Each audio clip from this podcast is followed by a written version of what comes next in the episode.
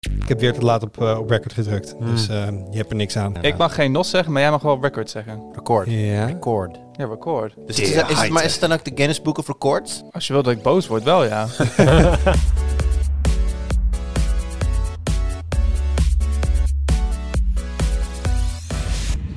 Hoi, leuk dat je luistert. Welkom bij een nieuwe aflevering van de Tweakers Podcast. Mijn naam is Wout en vandaag zit ik in de podcast met Hi Hugo, Hallo. Met Arnaud Wokke Hi. en met Jurgen Nubachs. Hallo. En eh, ik heb een raadseltje voor jullie eh, jongens. Oeh. Ja, dat is leuk hè. Ehm, je noemt het zwart, maar het is eigenlijk eh, de meeste plekken waar het gebruikt wordt fel oranje. In vliegtuigen. In vliegtuigen. Hmm. Hi, dan los het op voor ons. Wat Ja. is het? Zwarte dozen. Ja, de black box, de zwarte doos die eigenlijk dus blijkbaar in vliegtuigen helemaal niet black is. Lijkt me ook niet handig als je moet vinden na een crash en zo, dan wil je fel oranje is dan een betere kleur. Dat is precies waarom Ehm, die wel oranje is. Precies, maar we weten dat hij in vliegtuigen zit, maar hij komt ook in auto's. Ja. En daar gaan we het eh, zo meteen over hebben. Maar eerst natuurlijk de highlights. Arnoud, wat is jouw highlight deze week? Wauw, je krijgt een applausje van Jur en terecht. Want Jur zit aan tafel, hij is niet als eerste aan de beurt. En dat is voor het eerst in... Ik eh, zou ook geweigerd hebben. Ik zou gewoon niet gaan praten. Ja, precies. Maar dat, ja, hij zit gewoon recht tegenover me. Dat is altijd de, de, de natural state of things. Dus daarom Ja, heb ik mezelf gedwongen om jouw eerste vraag, Arnoud. maar we hebben het twee jaar online gemaakt, toen deed je het ook. ik, ik, ik voel een hele sterke aantrekking tot Jur. What can I say? Hmm. Ik wou het hebben over eh, eh, het gebruik van smartphones in het verkeer. Er kwamen deze week nieuwe cijfers naar buiten van het SWOF, die daar eh, enquêtes over houdt. Heiter schreef daarover eh, dinsdag. En, eh, en eh, het was een schokkend hoog percentage. Wacht, laat ik, laat ik hier ook een raadseltje van maken. Dat is hip vandaag kennelijk. Raad eens, hoeveel, hoe, hoeveel procent van de automobilisten gebruikt de smartphone in het verkeer? 80. Wel eens. Hm? 80. 80. Wat? Nou, jij, jij weet het. Jur, wat, eh, wat denk jij? Ja, ik kan nu zeg maar 71,5% zeggen, maar dan heb je denk ik een vermoeden dat ik, dat ik het onlangs gelezen Jij heb. leest een site, denk ik. Het is 71,5% Ik vond het echt hoog. Ik had het gewoon goed. Wauw. Maar dan, dat schept natuurlijk meteen de vraag eventjes eh, met de billen bloot hier aan tafel. Niet echt, het wordt gefilmd. Ehm, wie van de mensen hier heeft wel eens een telefoon in het verkeer gebruikt? Tegenvraag, wat telt mee? Want En als ik, hem in een, ik heb hem namelijk in een houdertje. Dus ik, ik switch soms heel even van mijn Google Maps naar mijn Spotify om iets anders op te zetten. Dan weer terug naar mijn Google Maps. Ben ik dan, heb ik hem dan gebruikt in het verkeer? Ik vind van wel, want mijn aandacht is op dat moment even gevestigd op mijn... boel, Ja, je leert wel zo half... Als, daar, als er echt iets gebeurt voor me, dan zie ik het wel. Maar het is niet hetzelfde als 100% Volgens mij technisch mag dit toch als in een houder zit. Dat is niet het gebruiken van een telefoon, of wel? Dat klopt. Technisch mag het. Maar in het onderzoek van SWOF werd inderdaad gekeken naar eh, ook hands-free bellen werd daarin meegenomen. Dus dit zal daar ook onder vallen inderdaad. Oh, hands-free bellen is telefoon. Ja, dan snap ik wel hoe we aan 71,5% Dan vind ik het weinig. Dan zijn dus men, dan, die, dan, dat zijn dan mensen die hem echt in hun jaszak laten zitten en hem gewoon niet in de buurt willen hebben als ze auto rijden of zo. Wat, wat ik me overigens kan voorstellen hoor, maar dat moet je dan haast wel doen. Want anders kom ik bedoel, mijn telefoon, als ik in de auto stap, koppel met mijn auto. Als ik gebeld word, dan neemt mijn auto op. Dus Maar de, de, slechtste, de slechtste variant denkbaar, bijvoorbeeld appen.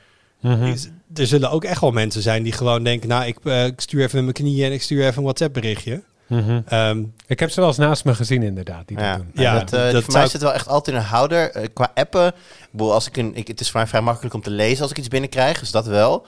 En ik kom meestal niet, als iemand vraagt, iets heel banaals van, oh, hey, hoe laat ga je naar huis? Als ik dan in de auto zit, dan reageer ik me meestal gewoon door mijn live locatie aan te zetten. En dan is het vrij duidelijk dat ik onderweg ben naar huis.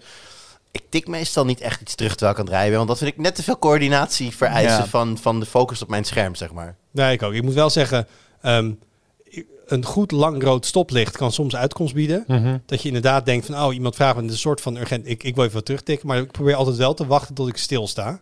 Eh en soms ben ik halverwege een zin aan het tikken en is het weer groen. Mag nu, maar volgens mij, heb je hem dan in je handen? Of, eh, Nee, dan li- ook oh ja, ja, gewoon ja wacht even, jij hebt natuurlijk een Tesla, dus dan heb je gewoon een heel groot scherm waarop je kan tikken. Nee, maar Daar ook, zit als geen je, WhatsApp in. maar ook als je bij het stoplicht staat of stilstaat in de file, dan Nee. mag je je telefoon gebruiken. Wel? Dat mag van de Ik dacht Ah. dat je gewoon, zodat, zo, zo, zodat je deelnemer bent aan het verkeer, mag je hem gewoon niet in je hand hebben. Nee. Dacht ik. Nee, ja, als je, als je wielen draaien. Dus, Ah. ehm, dus bij het stoplicht doe, doe ik nog wel, maar dan gaat hij op groen. Gewoon heel pontificaal blijven staan bij groene regels. Sorry, maar even wat appen. Ja, dat mag ook niet. Nee, dus dan, dan ben ik halverwege mijn zin. Dan moet ik tot het volgende stoplicht wachten voordat ik op cent kan drukken. Dan En staat er de hele eigenlijk- tijd Wout is typing en dan weten we, oh ja, ja, ja, hij zit, hij zit Ja, in de maar eigenlijk nu ik het zeg, denk ik ook, wat een onzin ook. Want hoe, hoe belangrijk is het dan weer dat je dan net dat berichtje moet sturen? Ja, ik snap. Ehm. je voelt die trigger dat je, dat je echt e- eff- gewoon even wil antwoorden. Dat, dat moet Ja. tussen aanhalingstekens. En ik heb inderdaad letterlijk wel eens bedacht van... stel dat het nu fout was gegaan. Stel dat het inderdaad van... oh, je begint al te rollen, je tikt hem maar even snel af. Stel dat ze inderdaad een noodstop in, in je rijdt... dan bovenop met langzame snelheid. Dus dat schade wel mee van... maar toch, je slaat jezelf voor je kop. Dat je ja. Ja. iets, iets waar je letterlijk... 10 minuten later sta je misschien al wel ergens stil. Ben je, ben je waar je moet zijn en kan je gewoon heel rustig reageren. Dat is echt. Ja, ik moet wel zeggen, dom. je zegt het net al, ik, ik heb zo'n auto die, die nogal modern is. Dus ik kan wel, als ik ook zeg maar langer dan een seconde naar mijn telefoonscherm wil kijken, zet ik hem altijd gewoon op adaptive cruise control met lane guidance en zo en dat soort dingen. Dat ik gewoon weet van oké, als ik heel even misschien mijn aandacht verslap, wat niet zou moeten omdat ik heel veel kijk, dat die auto wel nog een noodstop uit zichzelf maakt, niet opeens uit zijn lane gaat en dat soort dingen. Die luxe heb ik helaas niet. Nee, dat, Nee, dat ik weet niet. ik. Dat is een enorm privilege. Ehm, en dat is wel fijn. Maar Arnoud, jij, eh, jij schiet het onderwerp in. Dus Mhm, eh, ik zeker. paas hem weer terug aan jou. Ja, ik, eh, ik, ik gebruik mijn telefoon, want ik heb niet een hippe auto. Ik gebruik mijn telefoon ook voor navigatie. Ehm, dat is natuurlijk stilstaand dat je dat gebruikt. Maar ik zit dan wel eens van, dan heeft hij alternatieve routes, die verschijnen dan in beeld. Ja. Denk ik toch van, en dan kan ik net niet lezen, is het nou twee minuten langzamer of twee minuten sneller? Moet je net even uitzoomen. Ehm, en dan denk ik, mag dit? Volgens mij mag dit niet. Jawel. Als In een de houder zit wel. Ja. In een houder, zeker in een houder. Maar eh, ja, ik, dat vind ik wel eens lastig. Want ik merk dan ook wel dat, ik, dat mijn aandacht er niet altijd bij is. En laatst, dit is echt, volgens mij was dit al na de publicatie van het bericht. Het was denk ik eh, eh, dinsdagmiddag of zo. En ik reed weg en toen rolde er een bericht van de school van mijn zoontje binnen. En het bericht heette Allemaal gewonden. Dat was alles wat ik zag. Allemaal gewonden. Ik dacht, oh god, wat is dit? Zo. Het bleek, het bleken foto's van een EHBO-cursus. Het was niks ernstigs. maar ik heb, Clickbait. ik heb Ja. hem toch even stilgezet. Zo van, ja, dit moet ik even lezen. Want dit kan niet wachten totdat ik, totdat ik ergens weer per ongeluk stilsta voor een rood stoplicht.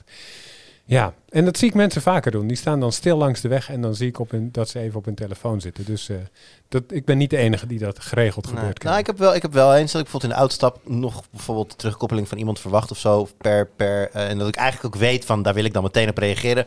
En dan zit ik gewoon een beetje vooruit te kennen van nou als ik nu ik, ik rijd bij, Muiden, bij Muiden kan ik er even af, bij Almere kan ik natuurlijk overal stilstaan. Tussen tussen Almere en Lelystad heb ik nog een parkeerplek, dus nou, ik, dan, en dan stop ik ook al even. Dan ga ik gewoon even snelweg af, zet ik hem even stil en dan antwoord ik dat dan wel. Ja. Maar het grappige is, we hebben het nu over de telefoon in een houder gebruiken. Wat natuurlijk een redelijk semantische discussie wordt. Want uiteindelijk al die telefoons, al die auto's tegenwoordig hebben gewoon een touchscreen aan boord.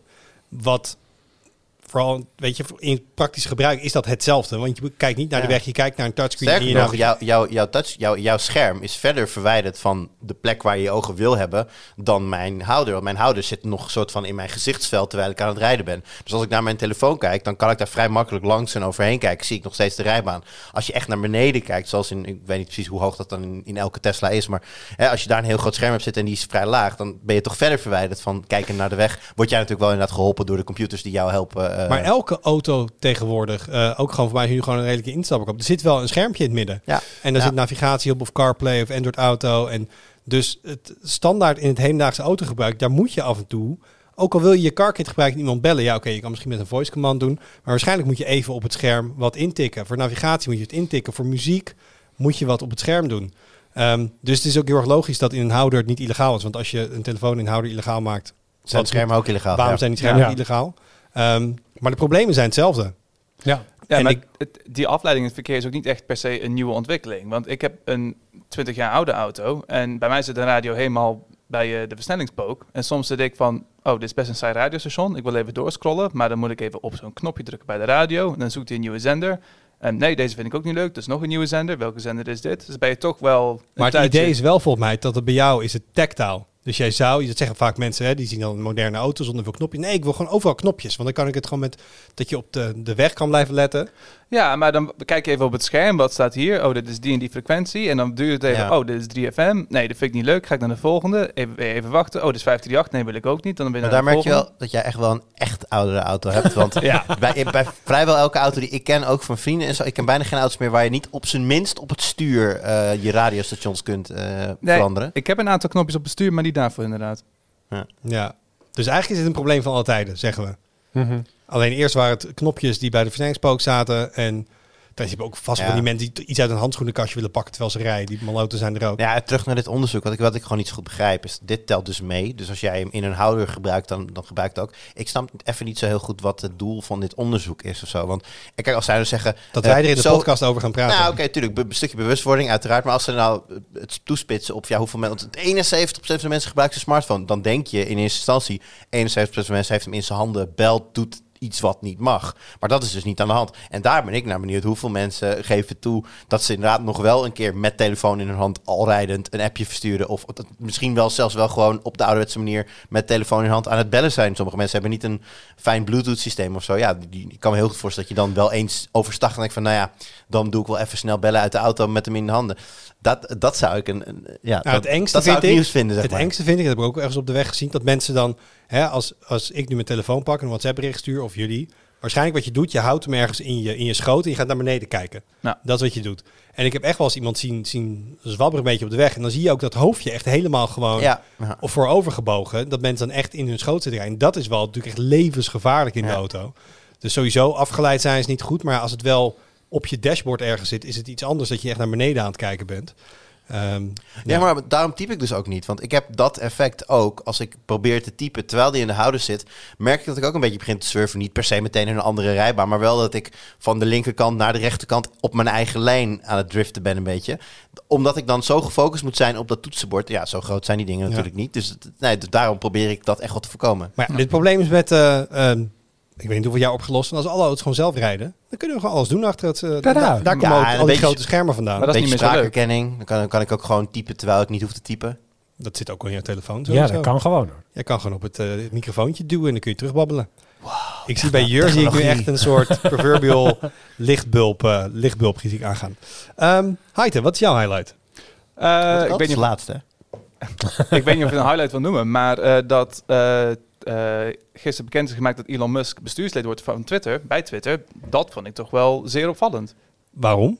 Nou ja, eh, het is niet per se in zijn eh, portfolio van dingen. Raketten sturen naar de maan en verder. En eh, auto's bouwen. En dan opeens... Maar, maar het hele idee van Musk's portfolio is toch ehm, elektrische auto's, raketten, breinimplantaten, ondergrondse tunnels. Het is toch al Ja. redelijk divers, toch? Dus van Acquire alles wat- all the things. Ja, nee, dat is waar. Daar zit wat in. Maar dat hij nou dus ook op sociale media gaat zitten, dat vind ik toch wel een... eh, ja, hij zat al op sociale media en hij deed toch erg veel mee. Ik bedoel, als je iets van Musk wilde weten, keek even op zijn eh, Twitter-kanaal, kon je zo nieuwsbericht tikken soms. Maar eh, Het is beter, als jij een feature request wil doen voor een Tesla-auto, moet je gewoon heel veel tweets naar hem sturen. En zegt hij, oké, we'll look into it. nou, En dan een tijd later is het er. Maar natuurlijk het interessante is, wat Musk is volgens mij, die had ook een polletje gedaan van, moet er een edit-knop komen? Dat is natuurlijk heel erg, wil zeggen, dit is heel erg meta. Dat is natuurlijk gek, meta, want Twitter is niet van.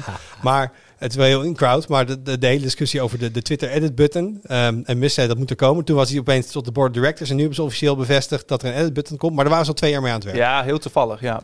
Ja, Ja, het is nu niet alsof ze van Musk hebben gehoord dat mensen een edit-button op, eh, op Twitter willen. Want eh, dat, dat, daar gaat het echt al tien jaar over, als het niet langer is. Dus, eh, en, en ja, ik geloof ook wel dat ze langer mee bezig zijn. Ik heb er al wel eerder over gehoord. Jawel, maar het is wel heel toevallig dat net als Musk zegt, moet hij er komen of niet? En, die, en 70% of zo zei ja, van de 3 miljoen stemmers, weet ik veel. Dat het dan opeens, oh ja, nee, dat eh, hier, hier komt het. Later dit jaar komt het er. Ik wil niet als een Willem Engel klinken, maar eh, zou dit een vooropgezet plannetje zijn? dat zou heel goed zomaar kunnen. Wat hij wist dat die aankondiging er ging komen. Hij had al met de andere boardmembers gepraat. Hij heeft waarschijnlijk al een beetje in zich in de roadmap. Mhm. Dat hij heel leuk is. Ze gaan over twee, drie dagen aankondigen dat Ja. een knop komt. Ik ga alvast hinten. Klinkt dat- heel Musk. En dat Ja. lijkt me het gevaar van Elon Ja. Musk in je board van directors hebben. De beste man heeft geen filter. Ja, en dat is, dat is een beetje mijn punt. Het is een vooropgezet plan vanuit Musk vast. Maar wat is de meerwaarde voor Twitter zelf? Ik bedoel, nu lijkt het inderdaad alsof Musk door zijn polletje eh, deze, deze feature heeft, heeft eh, leven heeft gegeven, om het zo te zeggen. Dat lijkt me juist niet wat je wil als Twitter zijn. Die wil gewoon, nee, dit is ons beleid. En we hebben hem nu aan boord gehaald vanwege strategie, I don't know. Eh, Maar hij is niet de bedenker van deze functie. Maar nu, zeg maar, voor het oog van de, de leek, om het zo te zeggen, lijkt dat nu wel zo. En Twitter heeft daar niets mee te winnen. Nee, maar er wordt wel vaker over Musk gezegd dat hij eh andermans idee Ja, nee, maar als je, dan, als je het dan hebt over een vooropgezet plan, dan zou ik vanuit Twitter niet snappen waarom je dat op die manier zou doen. Maar even, even terug. Heeft Twitter gezegd waarom ze hem verwelkomen tot de board of directors? eh, ehm, Niet per se eigenlijk. Ze zeiden wel eh, dat eh Musk wordt Jij gezien krijgt een als- Tesla, jij krijgt een Tesla. nou ja, hij is, hij, ze zeiden wel, eh, de CEO uh, Agrawal die zei wel, hij, is, hij ons, is onze meest passievolle volger en ook onze meest intense criticus. Zo'n soort zinnetje was het. Maar ja, hij heeft ook 9,2% van de aandelen onlangs overgenomen. Sinds januari was hij kennelijk al bezig met aandelen overnemen in Twitter. Maar nu is hij dus de grootste aandeelhouder van Twitter. En de vraag is, nou ja, ik vraag me af of dat een rol heeft gespeeld en dat hij daarom nu opeens bestuurslid is geworden. Want als je ook kijkt naar de andere bestuursleden in de board of directors, zover ik begrijp, zijn het ook wel meestal wel mensen die, eh, ja, ofwel ze zijn professor of ze zijn, of ze zijn, ehm, ja, hoe zeg je dat, investeerders. Zo Ja. begrijp ik het. Ja, ik snap trouwens ook niet waarom Musk het doet. Mhm. Serieus. Dus je hebt al SpaceX, je hebt Tesla, je hebt Neuralink, eh, de Boring Company. Ik weet nog of hij, of hij nog steeds Nou, iets met Hyperloops doet en dat soort tijd dingen. over, dat is duidelijk. De, de- ik heb het idee dat de beste man gewoon niet kan slapen. Dat, dat kan niet. Je kan niet zoveel bedrijven runnen als je ook nog wil slapen s'nachts. En denkt hij, ah joh, ik ga nog maar de board of directors bij Twitter in. Want leuke hobby of zo. Ja, dus ik denk ook dat je er niet meer achter... Je kan een heel strategisch ding achter zoeken, maar ik heb heel vaak het idee bij Musk dat het eigenlijk ook gewoon een heel groot kind is. Is het, niet anders, is het niet andersom? Heeft hij niet zoiets van... Ik steek toch al zoveel tijd in dat Twitter, laat ik het maar officieel maken. Ja, dat, dat is wel misschien waar. Zou hij, is wel, een, denk ik, een van de, de Ja, prominente dat, iemand tegen, dat iemand in zijn directe familiekring tegen hem zegt... Van, hey, kap nou eens met al die tijd die je op Twitter zet. En dan denkt hij van... Nou, dat zullen we nog wel eens zien. It's, it's my job. ik zit nu in Ja. de board of directors. Ik moet wel. Of hij, omdat, hij die, omdat hij Twitter zo vaak gebruikt, denkt hij, ja, ik weet hoe je het kan verbeteren. Dus ik wil daar een grote rol spelen en misschien zo wel mijn eigen Oh, dat, aandelen dat is meer... ook goed, want je wilt namelijk dat je board of directors op de rol van een product manager gaat zitten. En dan gaat zeggen, er moet een knopje bij of zo. Dat vinden mensen in een bedrijf altijd heel erg leuk als de directors dat gaan doen. Maar eh, we, we, we gaan het, in ieder geval, er komt een edit-knop. En, en eh, dat lijkt me heel logisch dat nu die bedrijven een beetje dichter bij elkaar komen. Dus als we jou een tweet sturen, dat jouw Tesla dat gewoon gaat voorlezen voor Nou, je. dat zou wat zijn. Dan hoef ik, dan kan ik mijn ogen gewoon op de weg. Nee, die wil ik via een Neuralink implant, wil ik het gewoon rechtstreeks mijn brein in geïnjecteerd Kijk. krijgen. Ja, nou, we gaan het, eh, we gaan het meemaken. Jur, Ja, ik heb opgeschreven HDJ privé. Eh, Hmm. Wat natuurlijk slaat op Hugo de Jonge, die eh, privé, eh, vanuit zijn privémail werkgerelateerde dingen heeft eh, behandeld. Wat sterk afgeraden wordt voor iedereen die in de politiek werkt. Maar hij deed het wel maar uit, het wel een hele goede reden voor. uit gemak. En, Want het is zo nee, lekker makkelijk. het is lekker makkelijk. Ik begreep ook dat zij een systeem hebben waarbij je wachtwoord nog wel eens verloopt. En, om, verloopt. en omdat het zo goed beveiligd is, is het dan niet zo heel makkelijk om ja, in, eh, zeg maar, eh, snel je wachtwoord dan te resetten en er weer in te komen. Dus dacht hij, nou weet je, dan val ik gewoon lekker terug op mijn privémail. Wat, eh, zover ik het heb begrepen, in ieder geval niet verboden is. Maar het wordt wel sterk afgeraden. En ehm, ik ben even benieuwd ook hoe iedereen hier naar kijkt. Ehm toen gingen het, de, boze tongen beweren natuurlijk dat het allemaal opzet is en dat dit een, een trucje zou zijn voor Hugo de Jonge om bijvoorbeeld WOP-verzoeken te kunnen ontwijken, want nou, daar zal zijn privé-mail dan niet onder hoeven vallen. Of is het gewoon, ja, letterlijk zo dom als het klinkt?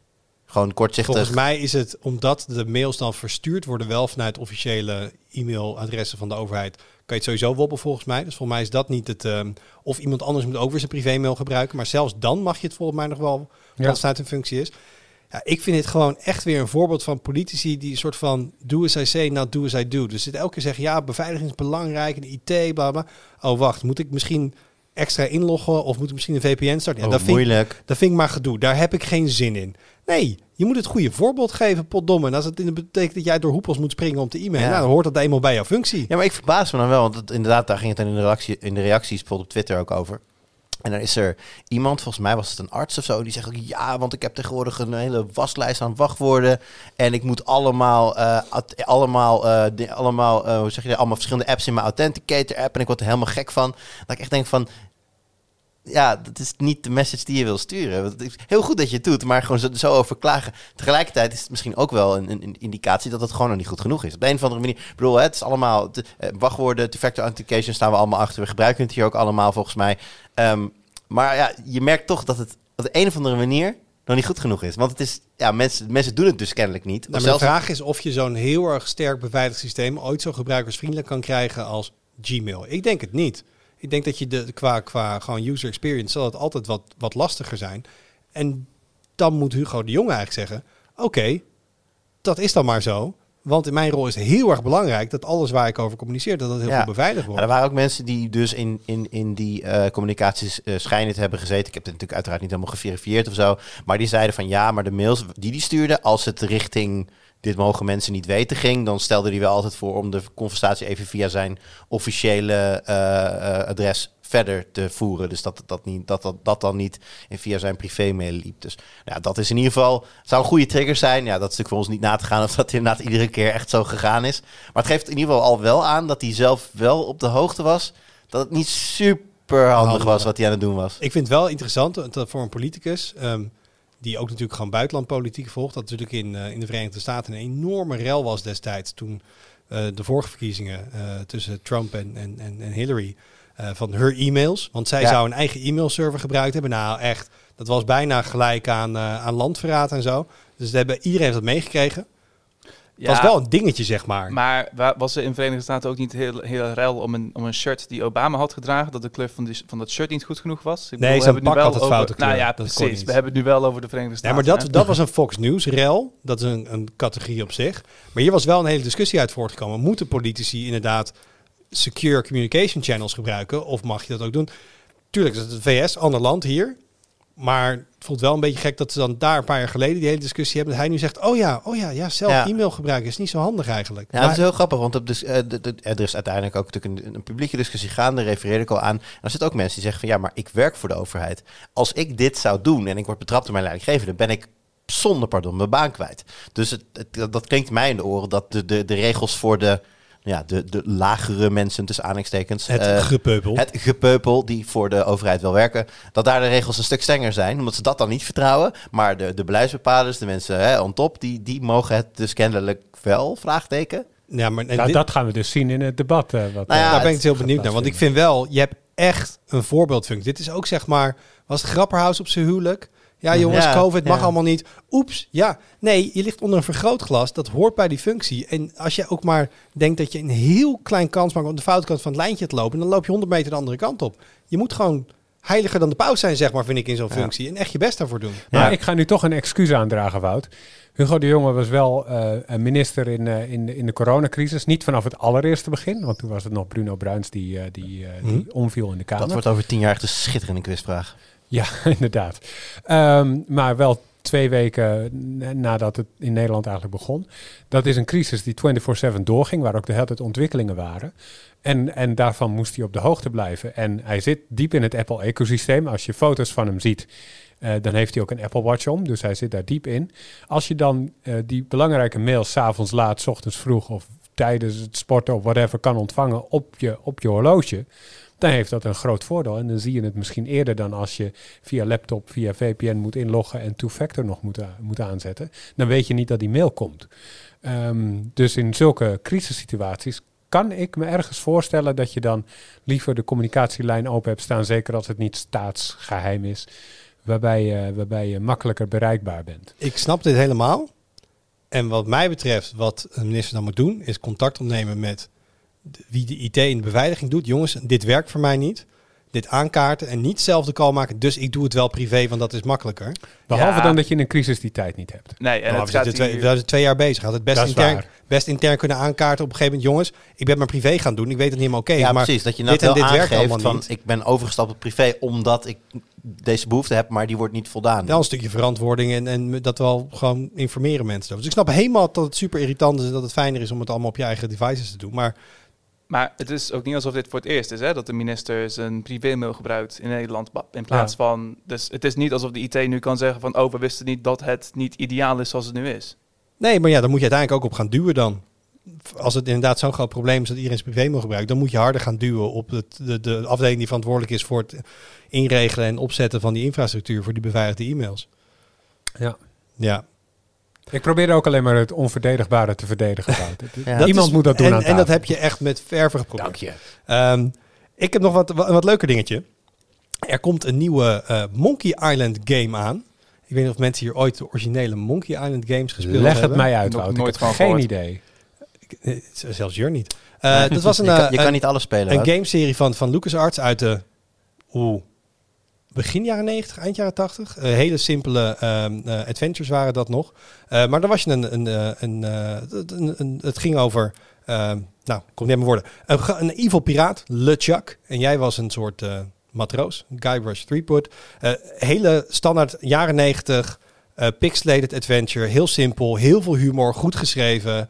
Gewoon een, je had, toen Police Quest, King's Quest, Larry, dit had je, was helemaal van, van dat genre. Er zijn twee games van gemaakt met originele creators erachter. Toen is deel 3, toen is iemand opgestapt. En dat is de man die nu weer terug is, meneer Ron Gilbert. Ehm, want die vond eigenlijk, nou, deel 3 ging een beetje de foute kant op. En die zei van, ik ga hier nooit meer aan meewerken. En die heeft dus nu op Twitter gezegd... Kiekeboe, ik werk eigenlijk al twee jaar aan een, eh, Maar aan een heeft- Monkey Island game. Heeft Tim Schafer dan nog wel meegemaakt aan het derde deel? Ook niet meer, toch? Dacht ik. Nee, je had, drie, je had Tim, Ron en nog iemand. Ja, even kijken hoe heet hij ook weer. Dat weet ik even niet. En twee daarvan zijn nu terug voor deze. Dus twee van het trio zijn dus 30 jaar later. Gaan dus terug nu eh, deze game maken. En ik vond dit altijd echt briljant geschreven, grappige, leuke adventure games. Ehm, dus dat dit eraan komt, vind ik al tof. Maar toen ging ik een beetje zoeken op eh, wat heeft eh, Ron Gilbert dan recentelijk allemaal gemaakt. Ook van zijn hand is Maniac Mansion. Ik weet niet of dat mensen, mensen dat wat zegt. Ik voel me heel oud. Dave, Gro- Dave Grossman was die derde. Ja, die zit er ook weer bij. Dus ik denk, wat heeft Ron Gilbert gedaan? En die heeft dus eh, een paar jaar terug, die game is echt op alle platformen verschenen. Ik heb hem nu op Android gedownload. Eh, een game uitgebracht, heet uh, Thimbleweed Park. Dat is een beetje Twin Peaks stijl. Dus in een klein dorpje, er is iemand vermoord en je moet als politieagent oplossen. Maar ze hebben gewoon de ballen gehad om het gewoon qua gameplay 100% zo te doen als in de jaren 90. Dus je ziet onderin een balk, daar staan woordjes. Het is zeg maar qua resolutie is het 200 bij 200 pixels, denk ik. Eh, dus als jij iets wil openen, dan moet je eens klikken op het woord open. Dan moet je klikken op het voorwerpje op je scherm. En dan wandelt zo'n character met een hele slechte animatie daarheen. Maar dit is dus precies hoe games in de jaren 90 gemaakt werden. Ehm, dat kan nog wel veel mooier tegenwoordig. Maar dat hebben ze dus niet gedaan. Dus ik heb die game gisteren gedownload en twee uur zitten spelen. En ik was verbaasd. Ik ben een, een, eh, iemand die heel erg van de graphics is en technologie. En ik moet allemaal veel mooi. Ik kan hier nog steeds heel erg van genieten, blijkbaar. Dus de, de, de gameplay daarin. We hebben het nu over de, de Android remake. Wat zeg je? Over de- over de- Thimble- Thimbleweed Park. oh, sorry. ik game. dacht dat je het over de... Ja, oké. Voor Android, maar je kan hem voor iOS, Android, PC, Switch. Ja, ik, dacht, ik dacht heel even dat je de oude eh, Monkey Island had gespeeld op Android. nee, nee, nee. Dus die, eigenlijk, maar die, het leuke van die game vind ik dus dat die uit ergens het laatst per jaar komt. En het is gewoon, hoe Apple het altijd zo mooi zegt, unapologetically. Het is gewoon, dit is pixel art. De hele gameplay is van begin jaren 90. Wij zijn daar trots op. Het gaat om humor, het gaat om goede dialogen. Ehm, dus ik zit er enorm van te genieten. Dus ook met een soort tip of zo. Als, als je dit soort games... Ik zag hem ook namelijk getipt worden bij ons in de comments onder het nieuwsbericht hierover. Ehm, en dacht, nou, ga even kijken. Dus bedankt iedereen die dat getipt heeft. Eh, dus als je vroeger dit soort games heel tof vond... ze worden dus gewoon nog steeds gemaakt. En Wauw. ik was verbaasd over het feit dat eh, ik daar nog steeds van kan genieten. Ook al is het eigenlijk super simpel en kan het zich niet meten technisch gezien met moderne games. Maar is dat vanwege de nostalgiefactor? Of denk je naar iemand als Heite, die een paar jaartjes jonger is dan jij, die zou er ook van kunnen genieten? Oeh, vind ik lastig. Ik heb hem wel expres op de telefoon ook geïnstalleerd. Want ik bedoel, als ik echt op de bank zou willen gaan zitten gamen, dan vind ik dit wel... Ik had hem ook even op mijn Android TV gedaan. Dat vond ik wel... Nee, dat werkte niet. Maar dit is wel zo'n game die je dan eventjes 10 minuten, kwartiertje tussendoor kan spelen. En, en, en ja, binnen die setting, hij kost ook niet 60 dollar of zo. Ehm, ja, denk ik misschien wel dat mensen dat... En als je dit nooit mee hebt gemaakt, is het natuurlijk helemaal retro. En retro is ook altijd heel cool. Ehm, toch? Ja, nee, ik, als je bijvoorbeeld een oude K- Command Conquer speelt of zo, een van de eerste, dan zit je te worstelen met die controls, omdat het gewoon zo onwennig ouderwets aanvoelt. Ja, Dus- nee, ik ben, nee, dit is niet voor jou. Nee, Ja, dat hoor ik al. nee. Je had ook, je had ook die Commando's game die ze dan her, opnieuw hadden uitgegeven een paar jaar geleden. En dat zonder inderdaad de interface te, te vernieuwen. Oh. Maar Dat de was- dat was interface is super simpel, want je kan klikken op open, use, push, read, look at. Je hebt echt een paar werkwoorden. En dan heb je een klein inventory dingetje. En je hebt wat voorwerpen in het scherm. Dus het een kind kan de was doen, zeg maar. Het is niet Nou, een kind kan denk ik niet te wassen, maar een kind zou het moeten proberen, omdat je dan pas snapt hoe ongelooflijk goed user interfaces in games tegenwoordig zijn. Wel, Met wellicht wat minder in Elden Ring, maar voor de rest, eh daar is natuurlijk ook een hele discussie over. Nee, maar echt, dat je tegenwoordig alles gaat automatisch, je hoeft er maar naar te kijken en je krijgt een tooltip pop-up, weet ik het wat. En hier is het gewoon, ja, je moet gewoon een beetje proberen en een beetje klikken en een beetje, hilarious, helemaal erg. Dan moest je het allemaal zelf intikken en dan moest je het maar, moest je het maar zien te verzinnen wat je, wat je moest gaan doen. Dus het is, in die zin is is het wel goed om zo'n ouderwetse game te spelen. Omdat je dan ook wel even met beide benen op de grond staat van... oh ja, er, is, er was ooit een tijd dat niet voor alles je handje werd vastgehouden... en dat je het zelf maar moest gaan uitzoeken allemaal. Ja, en wat deze games heel erg hadden, hoe ik dat me herinner, dat gewoon het, het, het schrijfwerk, de writing, dat die zo verschrikkelijk goed is. Het is vaak een goed Ja. verhaal. De dialoog, je kan dan kiezen natuurlijk uit allemaal antwoordopties elke keer. Eh, maar ook gewoon de humor die erin zit, daar, wat, daar ging alles in zitten ongeveer. Ehm, Ja, maar dat is ook logisch natuurlijk. Want kijk, je kan uh, anno nu, en in een moderne game, kan je nog zo'n goed script schrijven met zulke fantastische dialogen.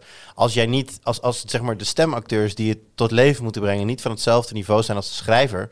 Ja, dan, dan, dan ga je nooit voorbij die, die 6 of die 7 of even dat vingerwerk. Maar dan gaat het nooit fantastisch worden. Terwijl, ja, als je fantastisch kunt schrijven en het hoeft verder niet ingesproken te worden, dan is het makkelijker om ja, inderdaad dat, dat idee te hebben van, oh, dit is echt heel erg sterk. Terwijl, stel je voor dat het inderdaad wel ingesproken zou zijn, maar op een matige manier, dan, dan, dan valt het flat on its face. Ik moet zeggen, dat is dan het enige moderne. Ze hebben wel met voice, dus je kan, het is wel Oh, wel. ingesproken. Ja, dus ook maar tekst is in dat, beeld. Maar is dat ook goed? ja, Nou, nou dan is ik het vind ook nog eens, eh, dat hebben ze goed... eh, dan, is, goed dan is het helemaal niet zo ouderwets. Ja, nee, is de, de hele game is super ouderwets, behalve dat ze nu gesproken...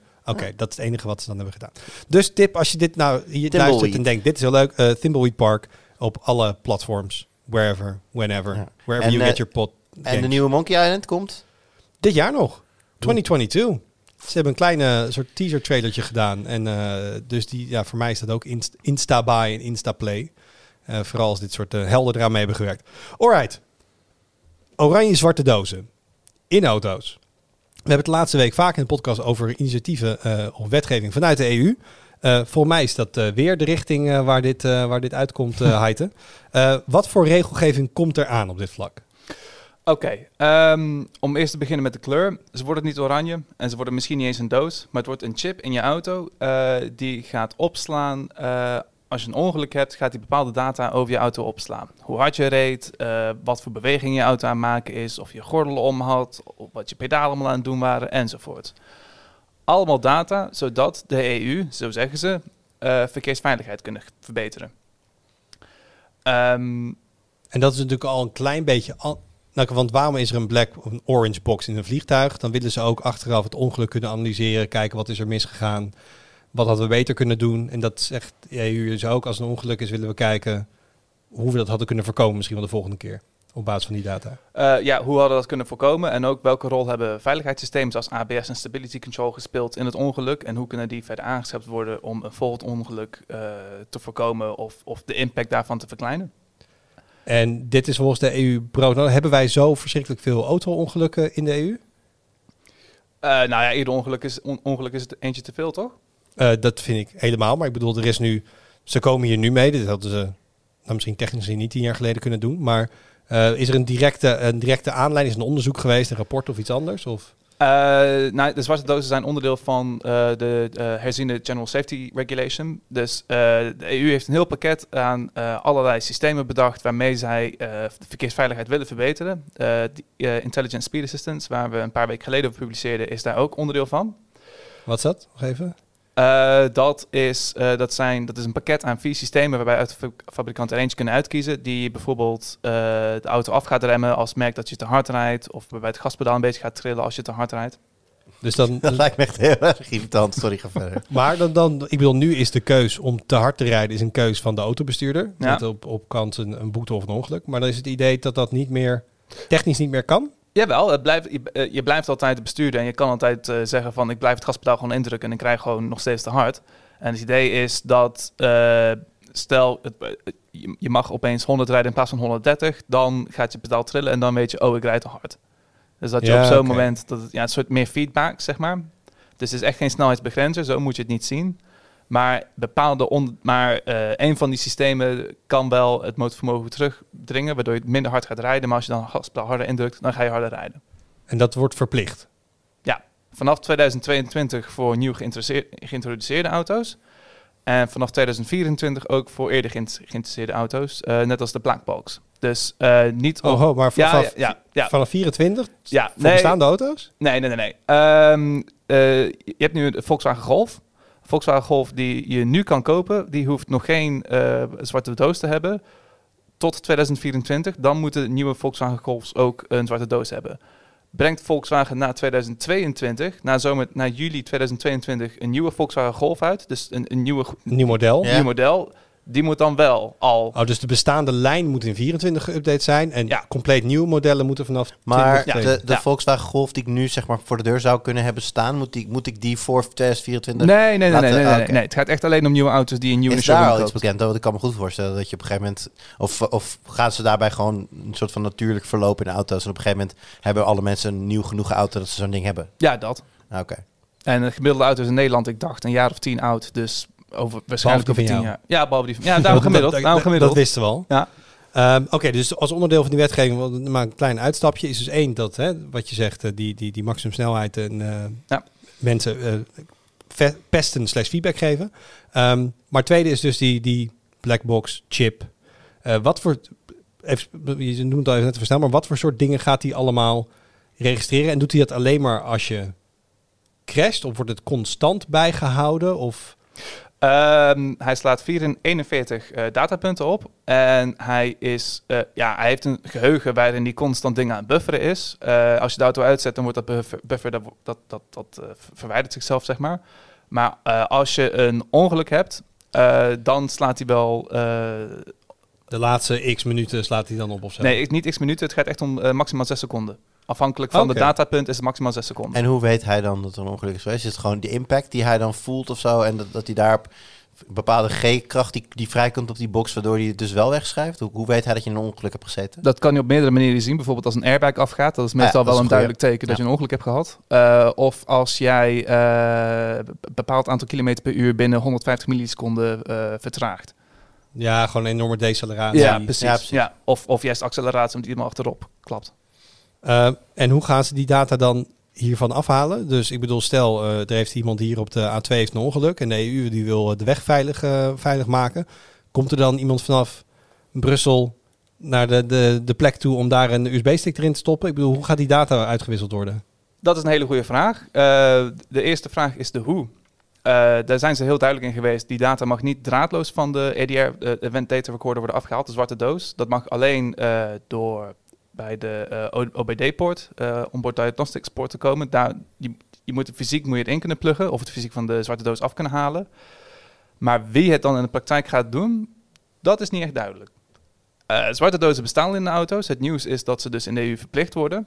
En die, de huidige zwarte dozen, die worden door bijvoorbeeld de politie worden die, afgelezen. Oh, ik, ik even. De- Het bestaat al, dus er zijn nu al auto's Ja, die want, dit doen. want in de Verenigde Staten is het al jaren verplicht.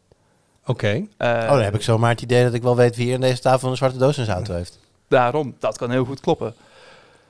Maar vanaf, eh, want je kan wel een zwarte doos hebben, maar het kan ook per autofabrikant verschillen hoe je daarmee omgaat. Dus daarom dat het ook in Europa, dat er ook gewoon richtlijnen ontstaan van, oké, zo gaan wij, willen wij dat het in Europa gaat gebeuren, want dan kunnen wij die data ook makkelijker eh, verwerken en hebben wij ook makkelijker toegang toe. Tot, toe. Maar inderdaad, stel je hebt een ongeluk, wie, wie gaat je data, die gaat de data van je auto afhalen? Dat is nog niet duidelijk, want dat staat... Maar dat lijkt me toch een redelijk essentieel van dit hele da- plan. Daarom, daarom. Dus je vraagt het de Europese Unie van, goh, hoe zit dat dan? En dan zeggen zij, ja, daar hebben we niet naar gekeken, want dat is eh, zaak van de lidstaten. Dus dan vraag je aan het Nederlands ministerie van Infrastructuur, hoe, wat gaan jullie met die data doen? Ja, daar zijn we nog aan het kijken. En hetzelfde geldt eigenlijk ook voor België. Dus da- auto's vanaf 2000, vanaf juli gaan data verzamelen op een gestructureerde manier. En ze hebben heel goed uitgedacht hoe, hoe en et cetera. Maar dus niet hoe het dan daadwerkelijk bij iemand terecht moet komen. Het plan, het idee is dat de data waarschijnlijk terechtkomt bij eh, onderzoekers naar verkeersveiligheid, bijvoorbeeld SWOF, waar we het eh, eerder over hebben gehad. Maar zij, hebben, zij gaan niet, waarschijnlijk niet zelf op de fiets stappen en zeggen: Oh, daar is een ongeluk gebeurd. Even met mijn, eh, bij de OBD-poort kijken wat eruit te halen is. Nee. Dus ik als we gewoon heel veel nu speculeren, het lijkt me heel logisch dat ehm, bij een ongeluk is politie waarschijnlijk altijd ter plaatse. Ja. Dus dan zou de politie misschien de data eraf halen en dat zij dat dan weer doorsluizen naar een overheidsinstantie die het verwerkt bijvoorbeeld. Dat zou een versie kunnen zijn. Dat, dat ligt voor de hand, ja. Dat lijkt waarschijnlijk. Maar wat weet je dan? Want dan weet je dus of iemand gas heeft gegeven of geremd heeft. Mhm. Dat soort dingen weet je. Maar je weet bijvoorbeeld niet, wat, eh, waar het SWOF het zo erg over had, of je afgeleid werd. bijvoorbeeld. Nee, en er zijn wel meer dingen die SWOF niet weet. Eh SWOF weet ook niet eh, van welke auto de data komt. SWOF weet ook niet wanneer de da- data is opgeslagen of waar de data is opgeslagen. SWOF weet dus niet waar een ongeluk gebeurde. Het heeft alleen dus eh, de data van wat de auto aan het doen was. En Oh, maar als het gaat over verkeersveiligheid, dan gaat het toch ook heel erg juist om bepaalde stukken weg waar misschien vanwege een bepaalde manier van layout de verkeerssituatie onveilig is. Ja.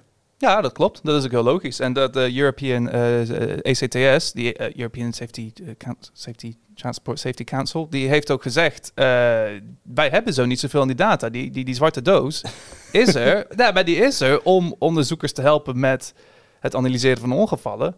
Maar dat kunnen we niet. Of dat kunnen we maar heel, dat kunnen we heel beperkt, omdat we niet weten waar een ongeluk gebeurde.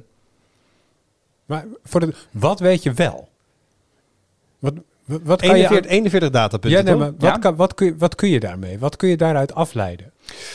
Je kan eruit afleiden dat een eh, auto bijvoorbeeld tegen een, een, een boom aanbotste, bijvoorbeeld. Of dat een auto ergens anders tegenaan botste. En op basis daarvan zou je misschien kunnen be- Als bezien... tegen die boom aan staat, dan weet je dat toch al. Nee, maar dat weet je niet.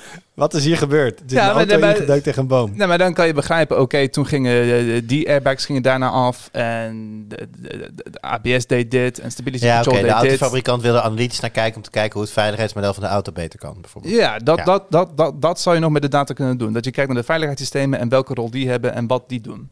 Maar de auto, de, in de data is niet wat voor auto het is, zeg je net, toch? Nee, dus autofabrikanten zelf hebben er waarschijnlijk niet zo heel veel aan. Ah, niet. Maar dat is ook het vreemde, want stel je bent de politie en je ziet daar een auto die daar gecrashed is. Aan de data zelf kan je niet zien waar die, waar die data vandaan kwam, zeg maar. Maar als ik een USB-stick in een computer plug, dan weet ik, oké, deze data kwam van die computer. Dus de EU wilde heel graag eh, de, de privacy, die focust heel erg op privacy en daarom zijn informatie over de auto, maar ook informatie over waar en wanneer het ongeluk gebeurde, wordt daar niet in meegenomen vanwege de privacy. Maar ik vraag me af in hoeverre het wer- daadwerkelijk privacyvriendelijk is, aangezien je gewoon, gewoon weet, oké, deze data komt van die auto af. Dus stel je hebt een Omdat je het fysiek eruit moet trekken, Ja. weet er altijd iemand, ik heb deze data net Nou ja, dat ligt er met jou hoe je het gaat doen. Kijk, stel dat je zegt van oké, politie gaat- moet die box verwijderen, doet er zelf op dat moment nog niks mee en neemt het mee naar een centraal punt, wordt ergens vervoerd naar een centraal punt in Nederland. Daar komen al die blackbox binnen en daar gaan mensen aan de slag met de analyse. Ja, die weten niet uit, welk, uit welke auto Nee. elke box gehaald is. Nee, nee, nee, maar als je als politie, stel je hebt, je hebt een gigantisch ongeluk, eh, dodelijk ongeval, er zijn meerdere mensen zijn omgekomen. Bestuurder zegt, oh ja, nee, maar ik reed niet te hard. En oh ja, nee, maar ik remde van tevoren en dit en dit en dat.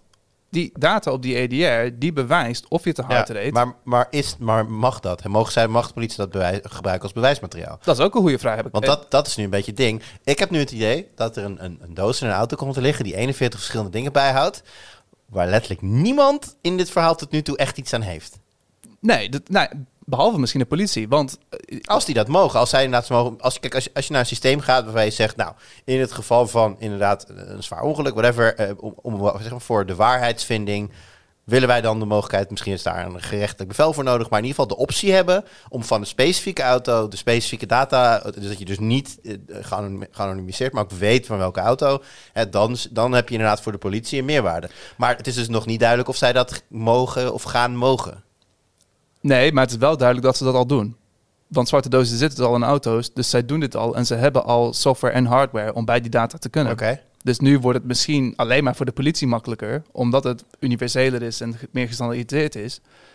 Dus het lijkt alsof het alleen maar voor de politie nu van toegevoegde waarde is en misschien een heel klein beetje voor de Want die wetgeving staat dat nog steeds toe. Dat politie dit zelf ook gebruikt bij een, een, een bij een auto-ongeluk. Er wordt in het onderzoek wordt gesproken over dat het doel is om verkeersveiligheid te verbeteren. En er wordt gesproken dat bijvoorbeeld in Nederland de RDW, dat is de type goedkeuringsinstantie, die moet zeggen wie er toegang toe moet krijgen. En er staat, er staat niet expliciet bij dat de politie er niet bij mag komen.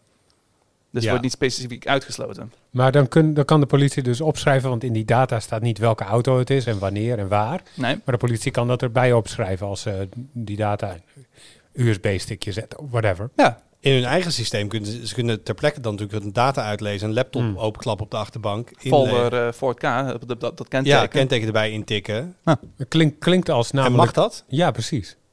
Volgens deze wet mag de politie, dat mogen, mogen zij dus wel. Ehm, het is, je zegt hè, de EU heeft focus op privacy, dus het wordt allemaal niet opgeslagen. Maar de, eh, de politie kan twee databronnen, hun eigen twee ogen en wat ze voor ze zien, die auto, en wat ze uit, kunnen ze prima samenvoegen in hun eigen bestanden. Mag dat? Het wordt niet uitgesloten. Er wordt niet gezegd dat het niet mag. Ah, die zou een goede politicus zijn. Mag dat? Nee, het wordt niet uitgesloten. Nou ja, dus uh, Het is niet- daaruit, concludeer ik dat het wel mag. Omdat was- de politie het al doet. Want als jij zegt het gebeurt al, dan zie ik geen reden om Nee. ineens... Deze, dit gaat, er in ieder geval, niet- het gaat er in ieder geval niet aan banden leggen. Nee. Dus als het nu mag, dan gaat deze nieuwe, gaan deze nieuwe regels daar niets aan veranderen. Nee. Nee. En, en spelen eh, verzekeringsmaatschappijen hier nog een optie? Want die willen natuurlijk ook heel veel inzicht hebben over eh, mensen hun gedrag. Of het nou zijn een rookje of eh, heb je overgewicht, want dat is voor je ziektekosten. Eh, we hebben natuurlijk sowieso het fenomeen schadevrije jaren bij een autoverzekering. Die vinden dit ook wel sexy, denk ik. Ja, daarom. Zeker als jij een ongeluk hebt en daaruit blijkt dat jij gewoon veel te hard hebt gereden. En dat zit in die data. Dan zou dat interessant kunnen zijn voor verzekeringsmaatschappijen. Alleen, Privacy is, kunt niet herleiden naar jou. precies. Dus in de praktijk zullen verzekeringsmaatschappijen hier waarschijnlijk niks mee kunnen. Tenzij de politie zegt, hier, dit USB-stickje komt van die Ford K. Maar die kans lijkt me heel erg klein. Of zouden, ze- zouden een beetje speculeren hoor. Op een gegeven moment moet je ook gewoon zeggen als je niet weet. Maar zou een verzekering kunnen zeggen, hey, jij doet een claim. eh, want mijn auto is totaal los. Dat ze zeggen, oké, wij willen graag dat jij even de, de datadump opstuurt van, eh, van je blackbox. Eh, nou ja, de vraag is of Als dat... je daar zelf bij kan. Want als jij, als jij gewoon normaal gestopt bent en uitgestapt bent, dan is, jouw, dus die buffer dus weer leeg. Staat er niks op. Nee, maar dan heb je ook niks te claimen, toch? Als je niet gecrashed bent, dat bedoel ik Oh, meer. zo, ja. Als jij een claim doet, want jouw auto is beschadigd vanwege een crash... ehm, kunnen zij dan zeggen, ja, maar dan willen we wel inzicht hebben in wat er gebeurd is. Hoe haal je dat uit je eigen auto dan? Ja, misschien komt iemand van de verzekeraar dan langs. Zegt Ja, van, oké. nou, ja, het komt vaak voor dat als jij een ongeluk hebt, dat dan de verzekering langskomt en wil kijken, oké... eh, Hoe ziet je auto eruit? Ja, Hoe erg precies, in de ligt die? Ja, precies. En het, het zou kunnen dat ze dan... Ik zie geen reden, geen reden waarom ze dan niet bij kunnen. Er wordt wel, in het, eh, er wordt wel gesproken over dat fabrikanten cybersecurity maatregelen moeten treffen. Dus je zou kunnen denken aan encryptie. Dus niet zoals of het gewoon eh, zomaar leesbaar moet zijn in een tekstbestand, zeg maar. Eh, maar eh, alles valt te hacken in principe. Hey, maar even iets heel anders. Even, toch een beetje een tweakersvraag tussendoor. Stel dat ik het zelf wil hacken, omdat ik het heel cool vind dat mijn auto gewoon continu kan bijhouden hoe hard ik heb gereden. En ik wil het eigenlijk gewoon loggen. En gewoon, dat, dat lijkt me super tof. Net zoals die, hè, wat je op de skislopes ook wel doet. Dat je gewoon precies ziet hoe hard en hoe hoog en waar. Zou dat kunnen? Ja. In theorie wel, ja. In principe die poort waar je op aansluit, O- ODB2 is dat? Ja. Ehm, dat is gewoon een, een gestandardiseerde connector. Die heeft bijna Ja. elke auto heeft dat. Eh, dan moet je vaak, daar kun je ze, kijk eens op AliExpress. Kun je gewoon een, een, een ding in pluggen, heeft gewoon een Bluetooth verbinding, er zit een appie bij. En dan kun je per auto kun je heel veel verschillende parameters kun je uitlezen en loggen als je dat wil. Ehm, dingen als inderdaad positie van het pedaal, eh, hoe hard je gaat. eh, Oh, dat kan nu, nu ook allemaal al. daar, kijk, daar is je hele diagnostic port is daarvoor bedacht. Zoveel weet ik van auto's. Ja, dus dat eh, als jij denkt, hey, ik vind dat tof om een Nee, keer ik mijn rij een te i10. Dat is allemaal helemaal niet interessant bij mij. Dat, 0 naar 100 in drie minuten.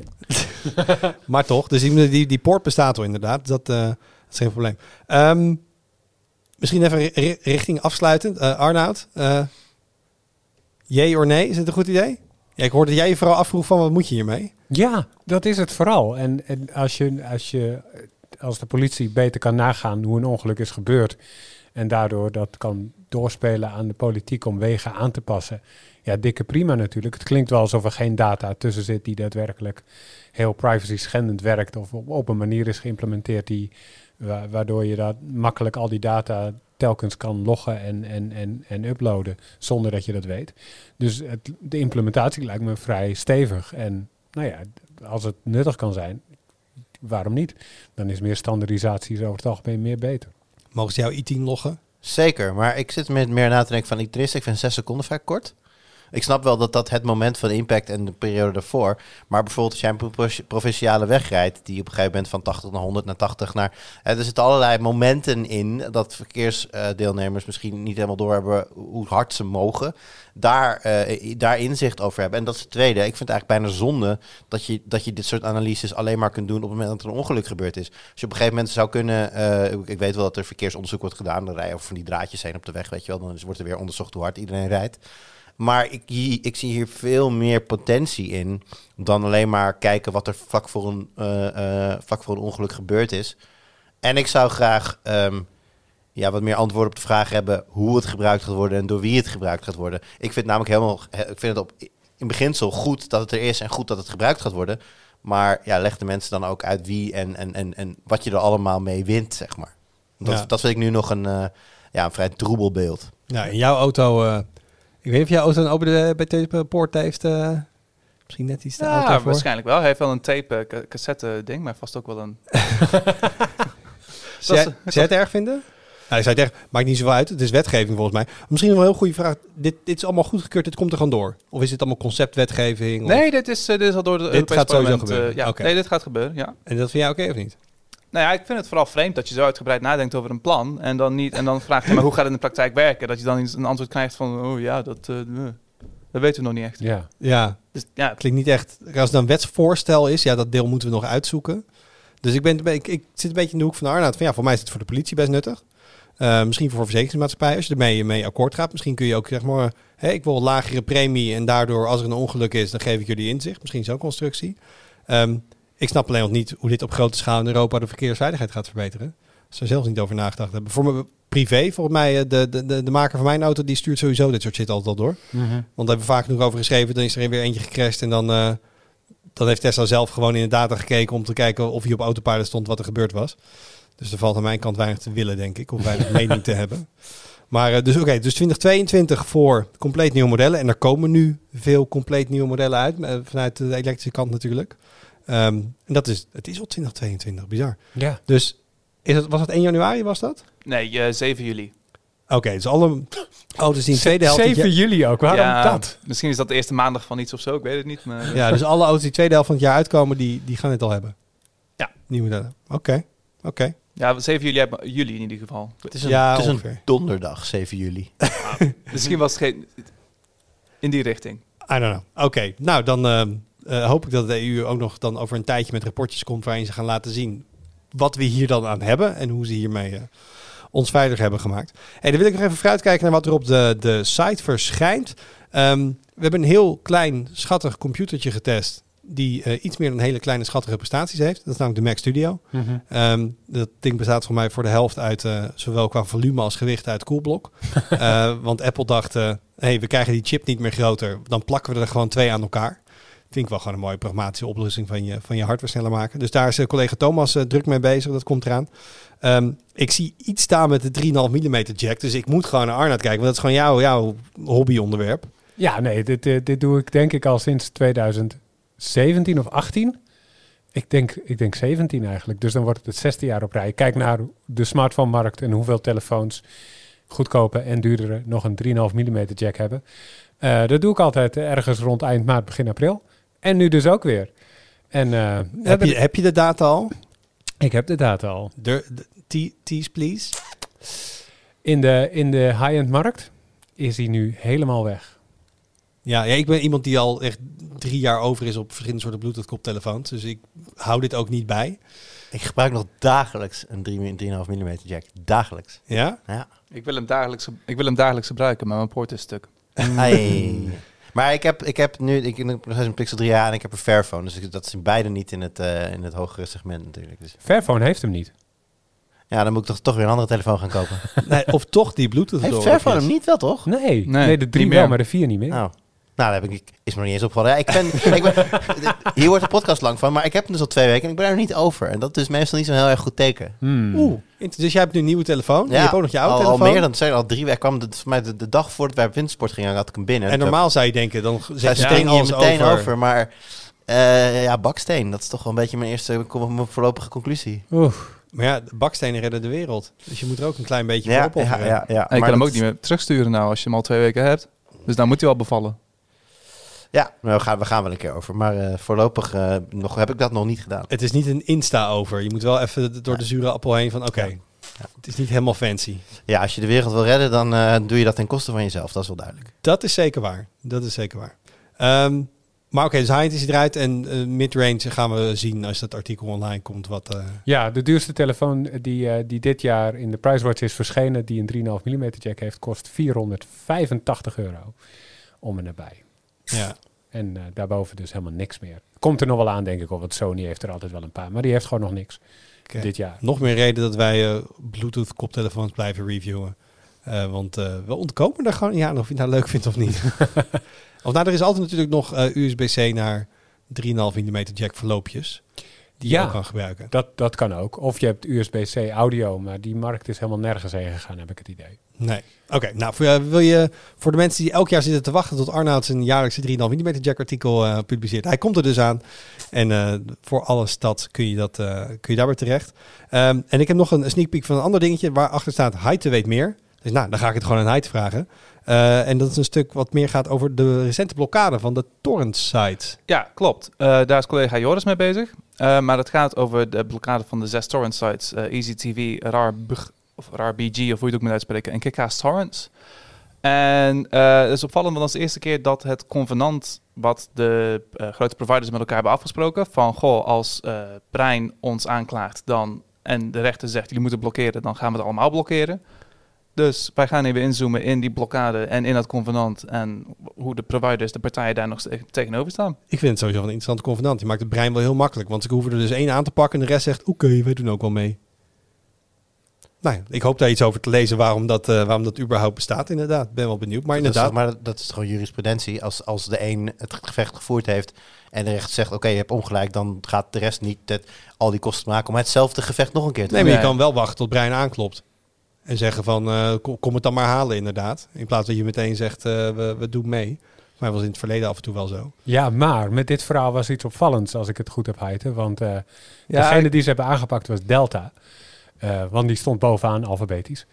Ehm, en toen kwam de rechtszaak en eh, toen hebben ze geen inhoudelijk verweer gevoerd. Ze hebben gewoon niks gezegd. Ter verdediging. Zo van, Ja, kijk, dat maakt het een ander verhaal. Want dan zou ik als, als, als, als internet service provider toch denken van... hm, misschien moeten wij toch wel advocaten daar even neerzetten. precies. Interessant. Maar daar gaat eh, collega Joris dus, eh, dus verder op in. Ehm, en daar rond ik hem af voor deze week. Dankjewel jongens. Dankjewel voor het luisteren en ook weer eh, voor het kijken eventueel op YouTube. Heb je feedback, dan horen we dat graag. Je kan een reactie achterlaten of je kan ons even mailen op podcast.wiekers.net. Tot volgende week. Doei. Doei.